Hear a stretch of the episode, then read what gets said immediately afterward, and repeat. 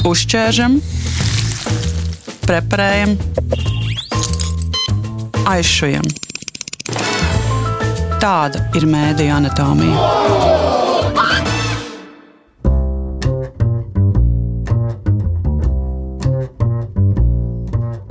Mediju anatomijas vadītāja šajā nedēļā Zana Ozoliņa un sarunāšos ar pētniecisko žurnālisti Ingu Spriņģi, pētnieciskās žurnālistikas centra Baltika izveidotāja. Sveiki, Inga!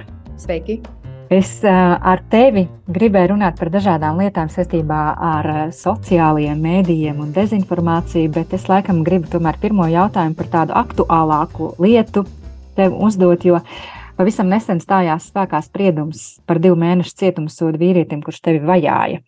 Vai tu jūties aizsargātāka un drošāka, un arī jūti, ka citi cilvēki pēc šī sprieduma var justies drošāk un uh, varbūt kaut kādas līdzīgas situācijas neatkārtosies.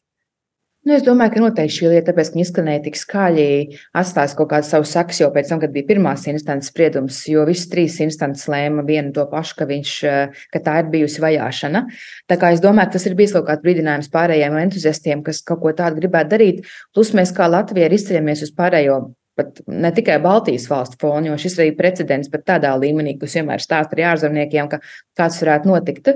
Un es domāju, ka šis arī bija tāds faktors, ko tiešām uh, par ko domāt tiesasargājušajām iestādēm. Jo es vienkārši redzot, kā mēs šo lietu, cik, cik bieži un ilgi neierosināja lietu saistībā ar šo, vienmēr tā argumentācija bija, ka jūs esat publiska persona, tāpēc jums ir jāsamierinās, ka pēc jums kāds kaut ko tādu var darīt, un kas tur tev tur pāris īziņas vai kāds dusmās kaut ko ir pateicis, kas parādīja pilnībā neizpratni no izmeklētāja puses un arī prokurora puses, kas pie šīs lietas pieķērās.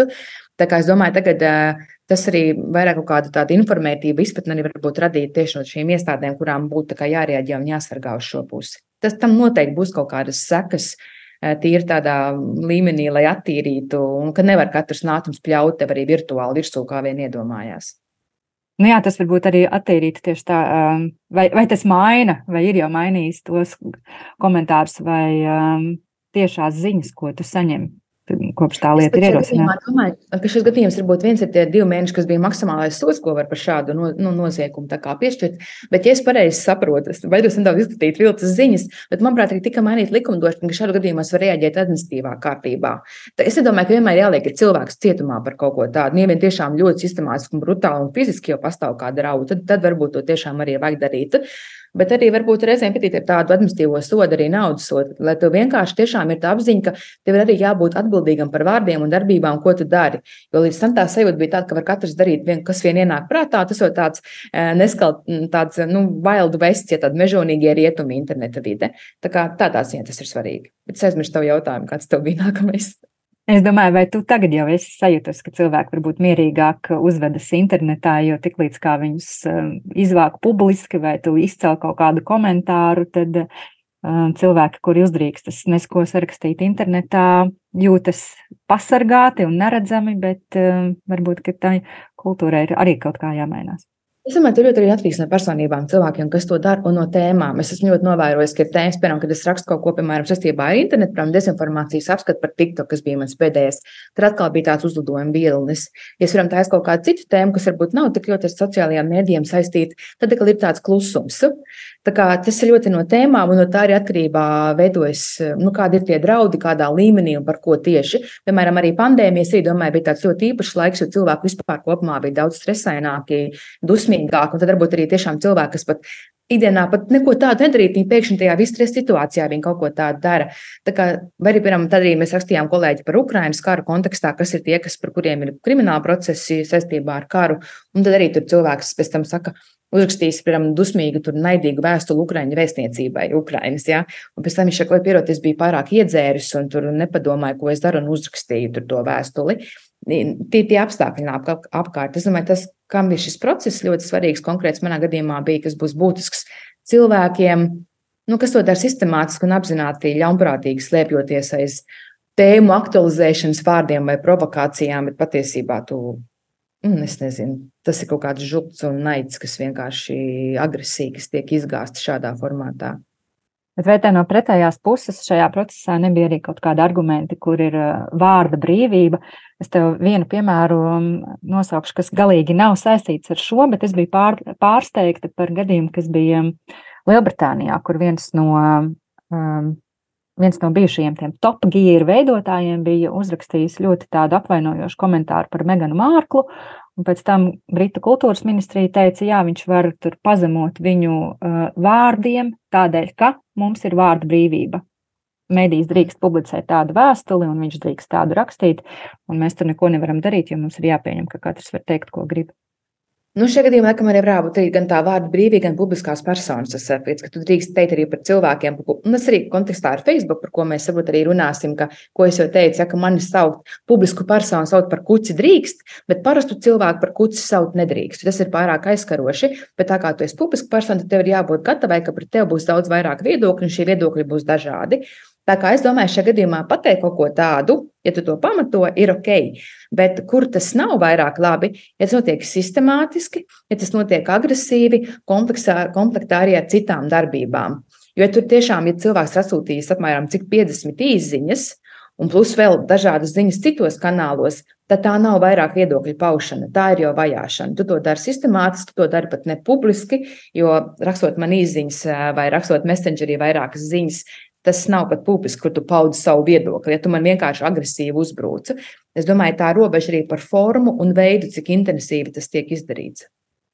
Nu jā, un te mēs arī pārējām pie sociālajiem tīkliem un pie viena no taviem daudziem pētījumiem. Pēdējais ir par to, kā tad Facebookā strādā šie uh, cenzori vai satura kontrolētāji. Un, uh, nu, galu galā Facebook, man liekas, ļoti daudziem cilvēkiem ir uh, vairāk nekā puse no tiem mēdījiem, ko viņi patērē, ka tas ir pamata pamatā, kur daudz cilvēku dzīvo. Kas ir tās galvenās um, atziņas, ko tu guvi pētot, varbūt tie lielākie pārsteigumi, ko tu saprati, kā tad strādā šis Facebook siets? Es varbūt sākšu nedaudz tādu ievadu, ar vienu soli sāņus no galvenās tēmas. Tad, respektīvi, ir divi veidi, kā Facebook uzrauga vai kontrolē vai regulē saturu. Viens ir faktu pārbaudītāji, kas arī esam mēs, kā arī Baltika. Mūsu, mums ir rīčeks, par kuriem mums ļoti daudz pārmet un ļoti daudz arī mūsu ienīsta, kur, kuras, kā vienmēr saku, mēs neko nedrīkstam noņemt, mēs neko nedzēšam.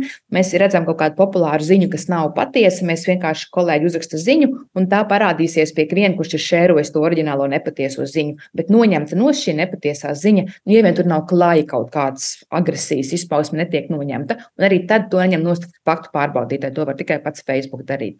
Un tad ir otrā tā tā sadaļa, kas regulē satiksmes noteikumus Facebookā, tie ir saucamie moderatori.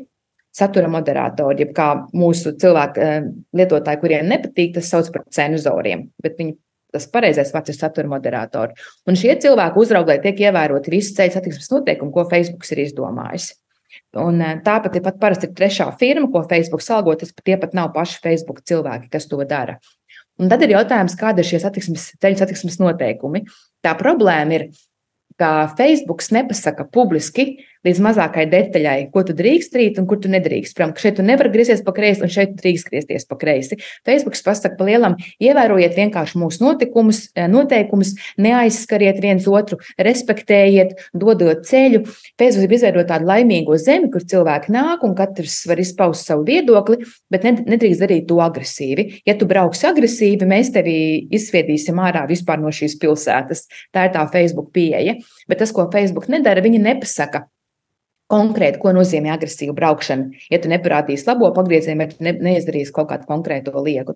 Un te radās tas apjukums, ka ļoti, un arī pamatsarām savu veidu sazvērestības teorijām par to, kā Facebook cenzē pēdiņās to savu saturu. Un kāpēc es pievēršos tai tēmai? Jo pēkšņi parādījās šis uzskats, ka Facebook apzināti ņem nost Ukrainu atbalstošus ierakstus, un tā motivācija bija iespējams tāpēc, ka cilvēki, kas ir šie satura uzraudzītāji, ir, ir krievi, vai ar, ar krieviskiem uzvārdiem, kā viņi paši publiski bija norādījuši LinkedIn, ka viņi strādā šajā firmā, kas uzraug šo saturu. Tāpēc arī šai tēmai pievērsos. Un tie galvenie secinājumi, kas ir no tā viss iznāca ārā, ka, jā, ka te ir ļoti liela problēma, ir tā, ka cilvēki nezina, kādi ir šie konkrētie noteikumi. Un tad, ka, kādi tad ir tie likumi, piemēram, Facebook neļauj uh, saukt konkrēti uh, piemēram, vienu nāciju uzskatīt par pārāku vai pazemināt par pārējām nācijām. Tas nozīmē, ka nedrīkst, piemēram, teikt, visi krievi ir slikti. Piemēram, mēs ieraugām kaut kādu Facebook ierakstu, kur Krievijas armijas zeldāti ir, piemēram, nošāvuši Ukrāņu zeldātu, un tad ir emocionāls. Protams, ļoti dabiski tev ir emocionāla reakcija, un tu saki, nu, tie krievi, ja, kā viņi kaut kādu nekaujas, nu, parasti šādi cilvēki raksta. Tas nozīmē pēc Facebook likumiem, ka tu vispār uz visu nāciju, ka visa krievu nācija ir slikta. Tāpēc šāds ieraksts tiks izdzēsts. Nevis tāpēc, ka Facebook um, negribētu šajā gadījumā, ka raksta kaut ko sliktu mm, vai labu par ukrāņiem vai par krieviem, bet tāpēc, vienkārši vispārini pret visu to nāciju. Tā ir tā problēma. Vai, piemēram, nedrīkst um, piedēvēt dzīvnieciskas īpašības. Nu, tur sauc par cūku, kretīniem. Vai nedrīkst vispār atņemt uh, cilvēciskas īpašības? Dehumanizing tas jēdziens ir, ka tu, piemēram, sāc sauc par zombijiem. Visi krievi zombiji vai visi krievi orki, uh, kas arī ir pārkāpums. Līdz ar to tas saturs arī tiks noņemts nost. Un, piemēram, vēl, ko mēs no mūsu apkopojums, ko rāda, tad nedrīkst uh, aicināt, kas es pat nekad nebūtu iedomājies, piemēram, pārvietot cilvēku pret viņu pašu gribu, aicināt pārvietot. Mums ir ļoti populārs šis teiciens, ko norāda dusmu brīžos sevišķi krieviski runājošiem, va tu taču madan vakzal Maskvā. Un patiesi pēc Facebook to, to tulko kā aicinājumu uz cilvēku pārvietošanu. Tāpēc atkal šāds ieraksts, piemēram, tiks noņemts nost. Vai vēl viens konkrēts pierādījums, ko man viens aktīvs Facebook sekotājs vienmēr sūtīja piemērus, par ko viņš ir bloķēts. Viņš tur cīnās, lai viņu atbloķē. Viņš bija nopublicējis uz Ziemassvētkiem tāda fotografija, kur ir kaiglīšu rotājums mantiņa, kurā ir pakārts Putins. Viņš arī man saka, redzi, tāpēc, ka pakārts Putins, tāpēc ņem nost. Bet patiesībā to ierakstu noņem, jo cilvēki Facebook neatbalsta jebkādu vizualizāciju, kurā ir pakārts. Cilvēks vienalga kaut kas pakārts, jo to var tulkot kā aicinājumu. Cilvēki, kuri ir nestabili, kurā domāt par pašnāvību, tas viņiem var būt kā, piemēram, pēdējais pamudinājums. Un, lai Facebook noņemtu no sevis atbildību, Viņi vispār, jebko, kur ir kaut kāds atainojums, tas pats cilvēks bija arī nopublicējis emotikonu, kur uh, emotikons nošauj sevi, iešauj sev mutē, ko arī uzskatīt par pamudinājumu uz pašnāvību, un tāpēc viņam to ierakstu vienkārši visu noņem nost. Un šīs ir tās mazās lietiņas, ko Facebook publiski nepasaka, ka to nevar darīt. Nu, tā konkrēti līdz pat niansēm. Jo tad atkal būs cilvēki, kas izmanto ļaunprātīgi Facebook, kur viņi apzināti šo visu apies. Un, lai neapietu tos viņu likums. Viņi līdz sīkumiem neatklāja tos savus noteikumus. Viņi pasaka lielos vilcienus, bet tas rada ļoti daudz dusmas, apmulsumu un sazvērestības teorijas beigu beigās. Bet no taviem pētījumiem arī ir skaidrs, ka, piemēram, Facebook nekad nekomunicē kaut kādas, varbūt, rakstiskas, vispārīgas atbildes sniedz, bet eh, nekomunicē ar eh, mēdījiem, lai paskaidrotu, kā viņi strādā. Nu, viņiem ir tieši tas pats, ka es, tā komunikācija krietni uzlabojusies nekā, piemēram, bija pirms pieciem gadiem, un tagad tur ir vesela virkne cilvēkiem par dažādām tēmām, ar kurām es varu komunicēt. Bet, ja es, piemēram, paprasīšu, lūk, konkrēti, kāpēc noņēmu šo ierakstu, viņi man konkrēti neatbildēs, kāpēc noņēmuši to ierakstu. Es savā laikā Šeit, laikam, ir tas mans pirks, kāpēc aizvēra vakcīna realitātes Facebook lapu. Um, Mēs neko neziņojam kā faktu pārbaudītāji, neko, bet es vienkārši toreiz rakstīju rakstu par, par, par Facebook lapas izveidotāju, un es uzdevu Facebookam jautājumu, kāpēc šī lapa joprojām turpina eksistēt, jo tur ir klajšs uh, dezinformācijas saturs. Un tad, piemēram, Facebook, viņi man tā arī neatbildēja, kāpēc konkrēti. Viņi vienkārši to lapu ņēma un aizvēra. Bet tāds jautājums atbildes pēc būtības, kāpēc tur, jo mēs uzskatījām, tur tā vai tā, vai vienkārši nezinājām par tādas lapas eksistenci, Facebook vienkārši neatbild. Bet vai pēc šī pētījuma tev radās tāds um, pārliecinošs priekšstats, ka šie cilvēki, kas to veic ikdienā darbu, um, saprot, izvērtē, ko viņi dara, vai tur vēl ir tās um, vadlīnijas kaut kā jāuzlabo un uh, jāizstāsta pašiem Facebook lietotājiem? Viens, ko es vēl varu pateikt, es joprojām nedomāju, ka kāds eh, Facebook moderators sēž un apzināti dzēš Ukraiņas saturs. Varbūt tiešām ir viens kaut kāds cilvēks, nekad nevar izslēgt šo faktoru, bet viņiem ir iekšēji ļoti stingra kontrola, kā viņi monitorē. Viņi gan konkrēts Facebook tos ierakstus iedod vairākiem cilvēkiem pārbaudīt, tad viņi redz pēkšņi, ka kāds lem kaut ko savādāk, vai katru nedēļu viņi monitorē. Viņiem ir tāda pārskats par moderatoru darbu. Tā kā ilgstoši darīt kaitnieciski šādi nebūtu iespējams. Bet, uh, Bet tā pašā laikā es arī novēroju, es arī pats sāku apzināti reportēt un ziņot par dažādiem ierakstiem, veicot šo pētījumu, un mēs pamanījām dažādākas nesakritības. Ja? Piemēram, ja mani nosauc par kuci, Facebook nenoņēma, Bet arī man nepaskaidro, vienkārši pasaka, tas nav pret mūsu noteikumiem. Bet es runāju ar diviem Facebook moderatoriem anonīmi, un viņi teica, ka droši vien nenoņēma tāpēc, ka es esmu publiska persona. Pret mani drīkst izteikties kritiskāk. Tā pašā laikā, kad līdzīgi jēdzienu šļura kāds pateica par deputātu Gloriju Grēpcovu, to ierakstu noņēma. Bet viņa jau arī ir publiska persona. Nu, pēc loģikas, kāpēc viņai noņēma, bet man nenoņēma. Un tas arī varētu teikt, jā, ka varbūt tāpēc, ka krieviski vai vēl kaut kas, vēl kaut kas, es nezinu, kāpēc. Bet, eh, bet šī problēma ir.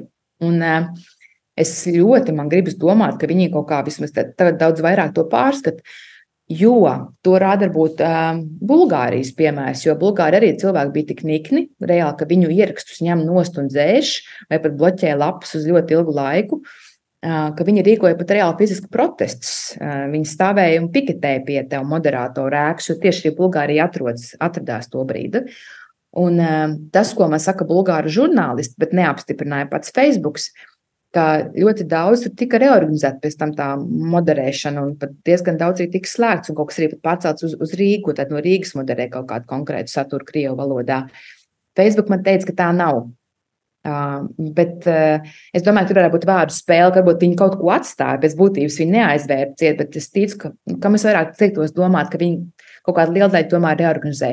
Tas nozīmē, ka Facebook ieklausās un tā kritika tomēr kaut kā viņus uztrauc. Jo lietuvieši arī piemērs, viņi arī bija neapmierināti, viņi nav rīkojuši protestus, bet viņi sāk lobēt ļoti augstā politiskā līmenī. Viņi pat premjeras un ministri tikās ar Facebook pārstāvjiem, un viņi, piemēram, panāca, ka ir vārds maskaļī, ko uzskata par nicinošu apzīmējumu krieviem, un ko arī, ja kāds rakstīja maskaļī, to ierakstu automātiski noņēma nost. Un lietuvieši panāca, ka šo vārdu viņi pierādīja ar saviem valodas ekspertiem, ka tas nav nicinošs apzīmējums krieviem. Un tagad arī pie mums Latvijā Facebook vairs neņem nost ierakstus, kuros ir vārds maskaļī. Tā kā arī politiskā līmenī to var darīt. Latvija vienīgais, ko risina, ir ar drošības dienas palīdzību, kas pateica, ka kaut ko izvērtēs un pārbaudīs. Esmu diezgan skeptiska, bet ka tur būs kaut kāds tāds milzīgs rezultāts no tās pārbaudas, bet no otras puses tam atkal varētu būt tīra tā.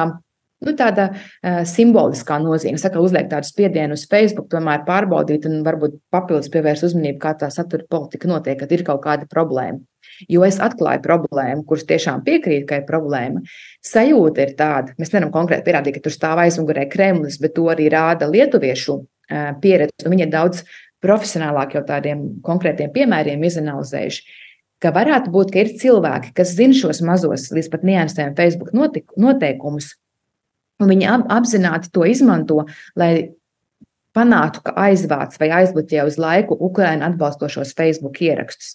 Un ko, ko tas konkrēti nozīmē? Ka, piemēram, ir cilvēki, ne, tā, ir Facebook lapa, kas vāc ziedojumus Ukraiņai. Konkrēts Lietuvas piemērs. Viņi pat savākuši gadu laikā miljonus eiro ziedojumos bija Ukrainai. Un pēkšņi to lapu bloķē, jo atrodās kaut, kāda, kaut kāds pārkāpums. Un tas, to pārkāpumu atrod kaut kādā vecā ierakstā.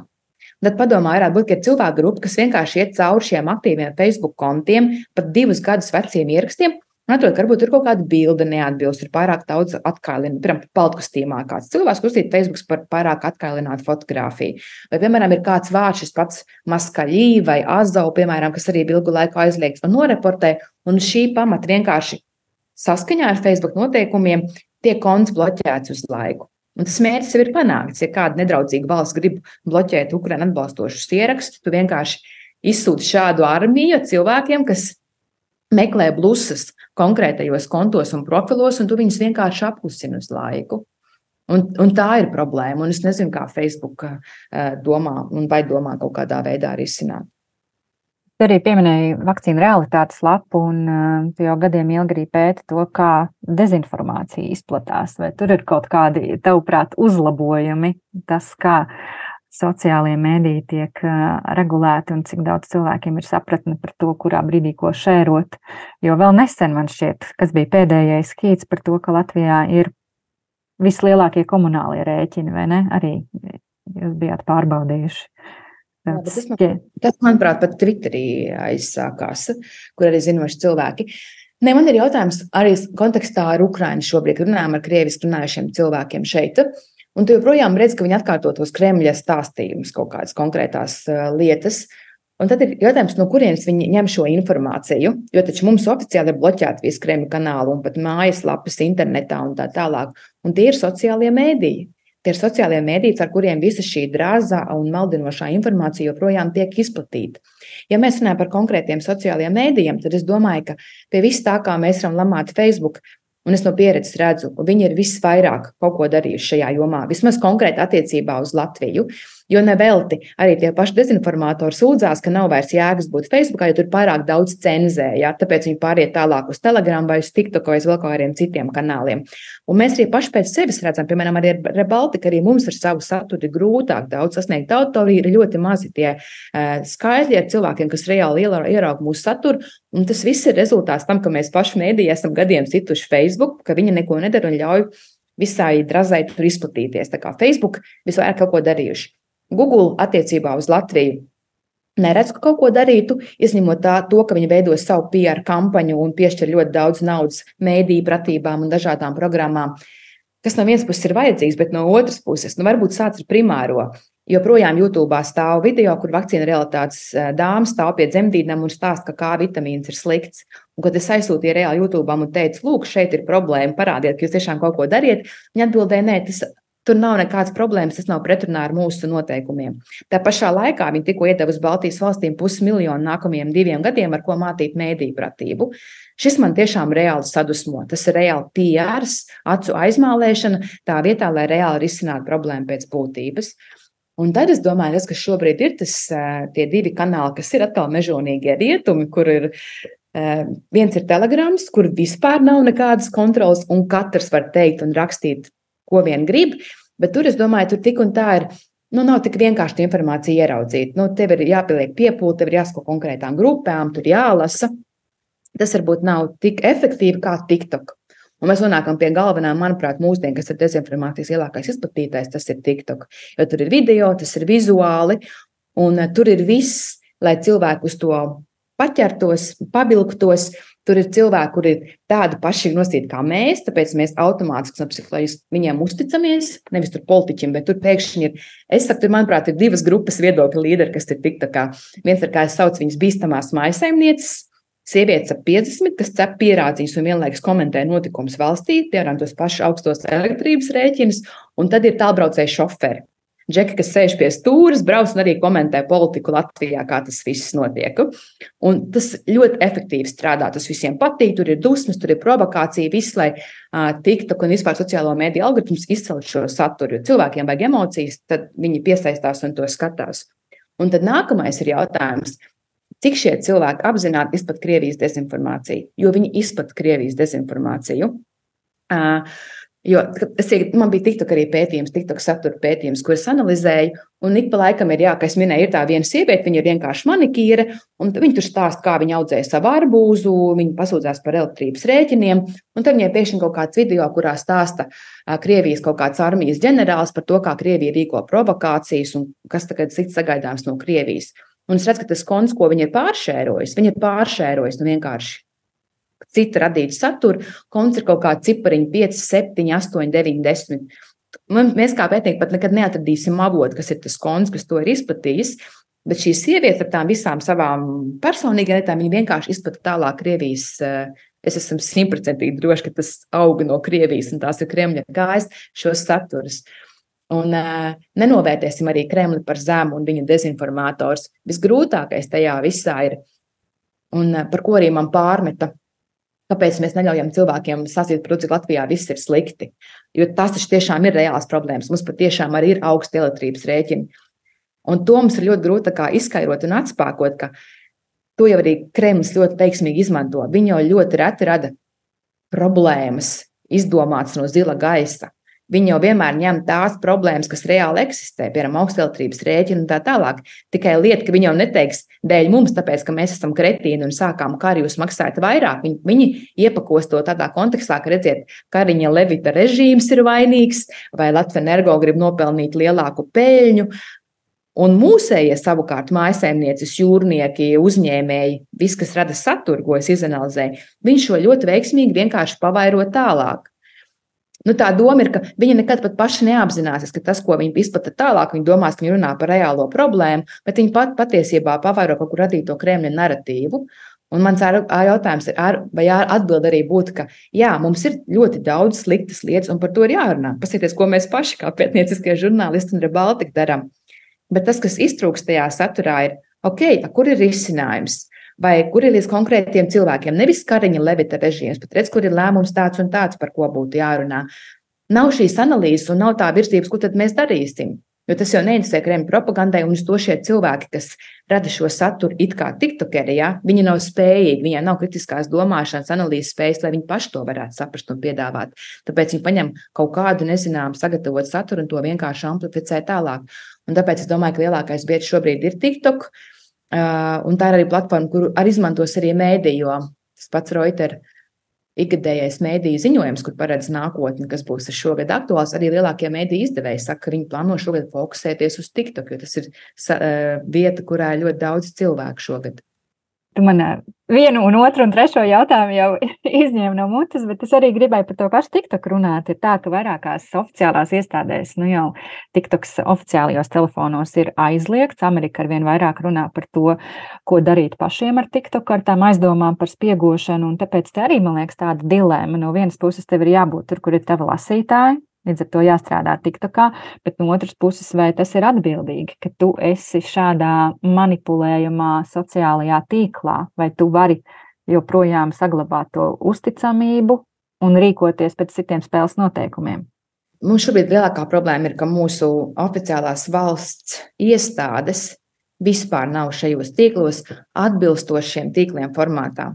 Tā ir vislielākā problēma. Sāksim ar to, ka uh, mums, kas ir ļoti labi atšķirībā no Lietuvas un Igaunijas, Latvijā valsts dod finansējumu mēdījiem, kur konkursu kārtībā mēs varam pieteikties, radīt saturu, runāt par mēdīju pratību, par dezinformāciju, bet tas viss notiek lielajos mēdījos - televizors, rādio, online, internetā un tā tālāk.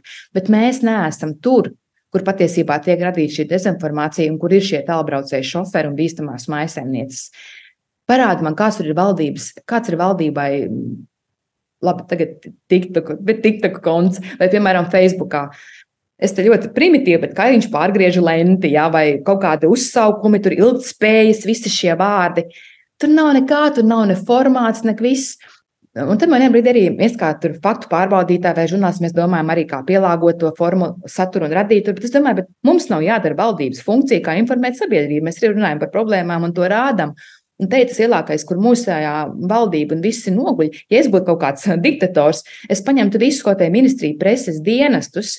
Un to vien darīt viņam, kā radīt par to, ko viņi dara satura sociālajiem mēdījiem, atbilstošā tajā formātā. Un turpat nevajag milzīgu naudu. Mācies no maisaimnieces, sēdi pie virtuves plīts un, un stāsti, ko tu esi izdarījis.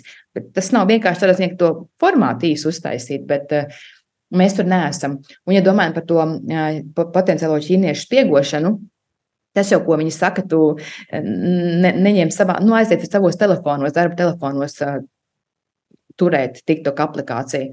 Un, ja tev no tā ir bail, tad paņem uh, vienu citu telefonu un uh, radi no tā saturu, izplato savu valdības kontā. Mēs nevaram, tāpēc es domāju, ka tur ir ķīnieši vispār nebūt ar to pretspē, atspēkojošo informāciju tajā sociālajā mēdījā. Un, ja godīgi, es laikam šausmīgi nebaidos par ķīniešiem, jo man šķiet, ka mūsdienu tās tehnoloģijas, tur visi tajā manā telefonā var ielīst. Sākot ar ķīniešiem, pēc, Latvijas pēcdienestiem, amerikāņiem un vēl vis kaut kā cita. Man tas tādā ziņā laikam īpaši nesatrauca. Varbūt tādā politiskā līmenī lielā par to jādomā, bet tiešām tur var atrast risinājums, kā to darīt. Bet šobrīd tā, mums pat ir par to runāt vispār kaut kāds kosmos, jo sāksim ar to, ka mums nav tā paša pamata satura vienkārši. Man šie desmit gadi vismaz ir panākuši, kopš to ar kolēģiem pētīja jau Krievijas maigo varu. Kā tu tagad skaties, cik daudz no tā atkārtojas, vai viņi maina to? Tu pieminēji, ka tagad viņi ir, protams, sociālajos tīklos nav vairs tādi lielie parastie mēdī, bet vai, vai ir iespējams apsteigt to, vai arī viņi strādā ātrāk nekā mēs spējam radīt jaunas mediju pratības lekcijas, lai norādītu, uh, kā to var um, tā, caur kritiskās domāšanas sietu izsijāt. Man šobrīd jaunākais uh, trends, ja tā varētu teikt, ir, es esmu kaut kur nogurusi, vai arī man kļūst garlaicīgi desmit gadus stāstīt tikai par to, kas ir tā Krievijas propaganda un ko viņi katru reizi ir izdomājuši, kas atkal ir tā problēma, ko viņi ir mākslīgi radījuši. Tāpēc ir divas lietas, pie kā esmu pieķērusies, un kas man šķiet arī interesanti. Viens ir, ka pēc būtības ir vienkārši vispārīgi jāizglīto, kā strādā Krievijas propaganda, nu, ka jāpasaka, re, kur būs aktuāla tēma, viņi darīs to, to, to un to, minot piemērus. Tā vienkārši cilvēki var atpazīt, ah, potenciāli šī varētu būt Krievijas propaganda. Es nezinu, vai tā ir taisnība, bet man stāstīja viens dezinformācijas pētnieks, kad uh, bija gaidāms, ka sāksies karš Ukrainā. Piemēram, ASV valdība sasauca vadošos amerikāņu žurnālistus, kas ziņo par karu un izstāstīt, ka tur būs sagaidāms Krievijas dezinformācijas filmas un kā tas izplatīsies. Kad tu jau iepriekš izglīto žurnālistus, un tad viņi var runāt tālāk ar sabiedrību, kam pievērst uzmanību, kas potenciāli ir gaidāms. Saucamais. Un tad otrs ir tas aspekts, jau konkrēts pre-banking, ka tu zini, ka būs konkrēta tēma, un tu nāc ārā jau ar savu skaidrojošo saturu. Piemērs tam būtu bijis ļoti labs Covid laikā. Man gribas teikt, es jau tā teicu, bet es neteicu to pietiekami skaļi, tāpēc to neteikšu. Es, mēs zinājām, ka būs milzīgs dezinformācijas filmas par vakcīnām.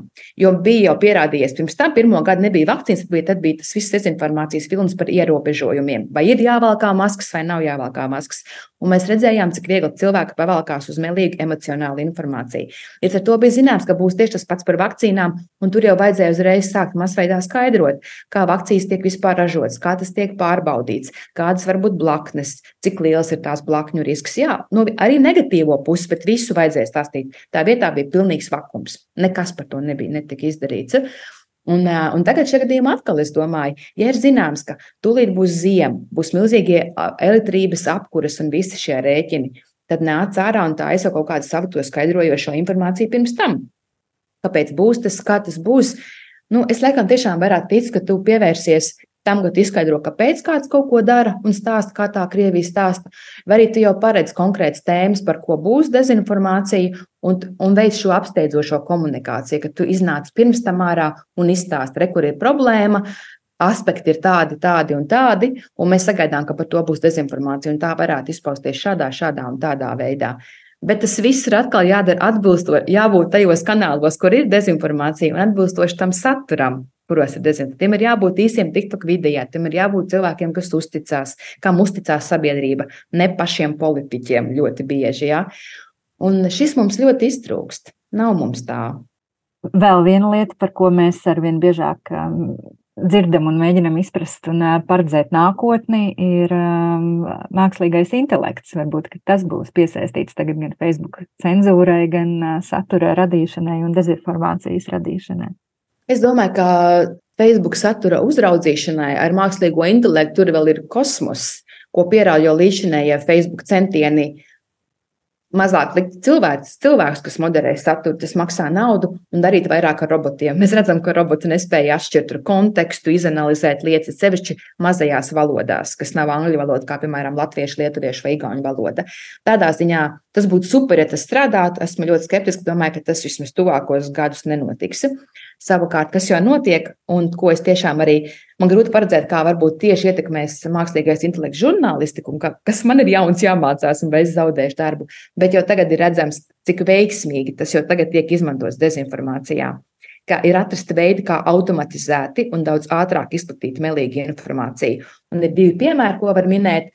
Viens ir šī platforma, kas ļauj ielikt cilvēku seju dažādās uh, situācijās. Ja jau tika parādīts šīs fotogrāfijas, kur kā Trumps ir arestēts vai pāvests tajā milzīgajā baltajā pufaikā. Ja? Uh, un, uh, Te ir jautājums par regulāciju, cik ātri ieviesīs šādām programmām regulēšanu, ka tu nevari ņemt jebkuru seju un radīt jebkādu saturu, kā tev vien ienāk prātā.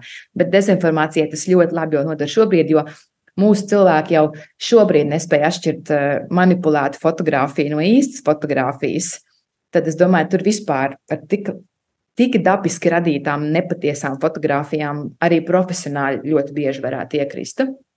Un otra lieta ir piemērs, ko var minēt, ka tikko, kad Amerikas, Amerikā dalīja Oskars labākajām filmām un labāko ārzemju dokumentālo filmu dabūja par Navaļniju, tad jau parādījās, bija Twitterī boti, kur bija mākslīgi, ar mākslīgu intelektu palīdzību uzrakstīti nu, nepatiesi teksti par šo filmu. Un sakot, ka tur ļoti daudz melīgas informācijas šajā filmā, bet bija radīti melīgi teksti, kas saka, ka ir melīga Navaļnija filma.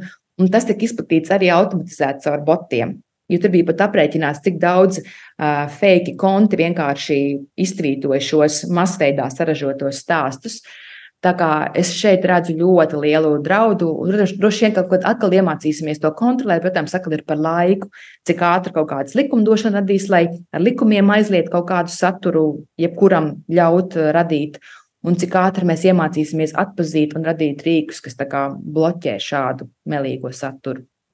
Bet sarunas noslēgumā mēs te cenšamies tā parasti tādu mazu padomu lūgt. Varbūt, ka tu vari padalīties, kas šobrīd tev ir um, tādi ieteicamākie, varbūt divi vai trīs avoti, kam tu seko līdzi, lai saprastu, kas notiek. Nu, es klausos uh, divi galvenie un, laikam, biežāk podkāstu, ko es klausos, bet tie ir angļu valodā. Tie ir New York Times Daily kur ļoti, man ļoti patīk formāts, kādā viņi izanalizē konkrēto tēmu. Un tur es klausos tēmas, kas man ir interesantas. Piemēram, šobrīd noklausījos par ASV politiku attiecībā uz Āfriku, jo tas ietekmē ļoti Ķīnu, ko, ko, ko saka, un tas ietekmē arī mūsu netiešā veidā. Vai arī citas, citas aktuālas tēmas, tas abas tādas pasaules lietas un ASV notiek. Un uh, otrs podkāsts arī tagad ir New York Times, ko es nesen atklāju, ir Hard Fork kurām runā tieši par tehnoloģiju pasauli. Te, tas, kas ietekmēs, es domāju, mūs kā žurnālistus ļoti tieši, kā attīstīsies tas pats mākslīgais intelekts, chat GPT un ļoti daudz jomas, jo ir skaidrs, ka tūlīt vesela virkne cilvēku zaudēs darbu, konkrētas profesijas, sakot ar programmētājiem, tulkiem, redaktoriem. Noteikti arī žurnālistu darbu. Es domāju, ka lielā mērā ietekmēs varbūt ne tik ātri, jo atkal mēs esam mazā latviešu valoda, bet tas noteikti ietekmēs arī mūsu darbu. Tā kā to es klausos. Uh, Un, uh, savukārt no pašmēlē saprast, kas pie mums notiktu, es uh, klausos, um, ir podkāstus, ik pa laikam šķiltavas. Man ļoti arī patīk Paula Roceps smiekli, jo es vienmēr apsmējos līdz viņam. Un manā sarakstā, ka obligāti ir jāpaklausās, esmu ielikusi arī ir, uh, podkāstu ārskats, kur viņi runā par ārpolitiku. Bet, ja godīgi, nekad arī neesmu uz viņam tikusi. Es izlasu viņu, ir newsletter, ja vēstkopu ārskats, kur arī ļoti Man patīk arī īsi un koncentrēti izstāstīt galvenās ārpolitikas lietas. Un es tieši pat nesen piefiksēju, ka esmu pastiprinātāk sākus par ārpolitiku institūciju, jo es ļoti redzu, kā tas korelē ar notiekošo Latvijā. Cidot tādu lielāku kontekstu, kāpēc pie mums ir tādas problēmas, kā viņas ir. Un es domāju, tā ir ļoti liela problēma, ka mūsu pašmāja cilvēki domā tajā ļoti šaurā rāmī tikai no sava skatu punkta, no tā Latvijas skatu punkta, kā viņi to redz. Bet viņi nesaprot, kā tas izskatās uz ārvalstu fona un cik mēs ļoti esam atkarīgi no tām ārvalstīm. Saistībā ar to pašu krievalodas reformu, piemēram, šobrīd. Kāpēc es kliedzu Twitterī, tas nekad nenotiks, tāpēc, es vienkārši zinu, kā ārvalstis to reaģēs, un mēs to vienkārši nevaram atļauties. Un šeit nav runa par to, ka mums nevajag klausīt, kā mums diktē kāds no Amerikas kaut ko, ko mēs tur darām. Ja? Bet tā pašā laikā mēs prasām, lai Amerika mūs pasargā no Krievijas. Nu, tas tā nestrādā. Mums ir pienākumi, ja mēs gribam kaut ko no viņiem dabūt pretī. Un tā ir milzīga problēma, ka mēs nerunājam angliski, mēs nelasām neko par ārvalstīm, neinteresējamies, un tad jūtamies nesaprasti. Paldies, tev, Inga! Mediju anatomijas studijā šodien Inga Sprīņģe, izmeklējošā žurnāliste, un Zana Ozoliņa. Un šo visu plašākā sarunā, ja klausāties ēterā, tad plašāk interviju varat dzirdēt jebkur, kur var atrast Latvijas radio raidierakstus, Spotify un citos kanālos. Paldies! Tev. Uzķēršam! Preparējam, aizšujam. Tāda ir mēdija anatomija.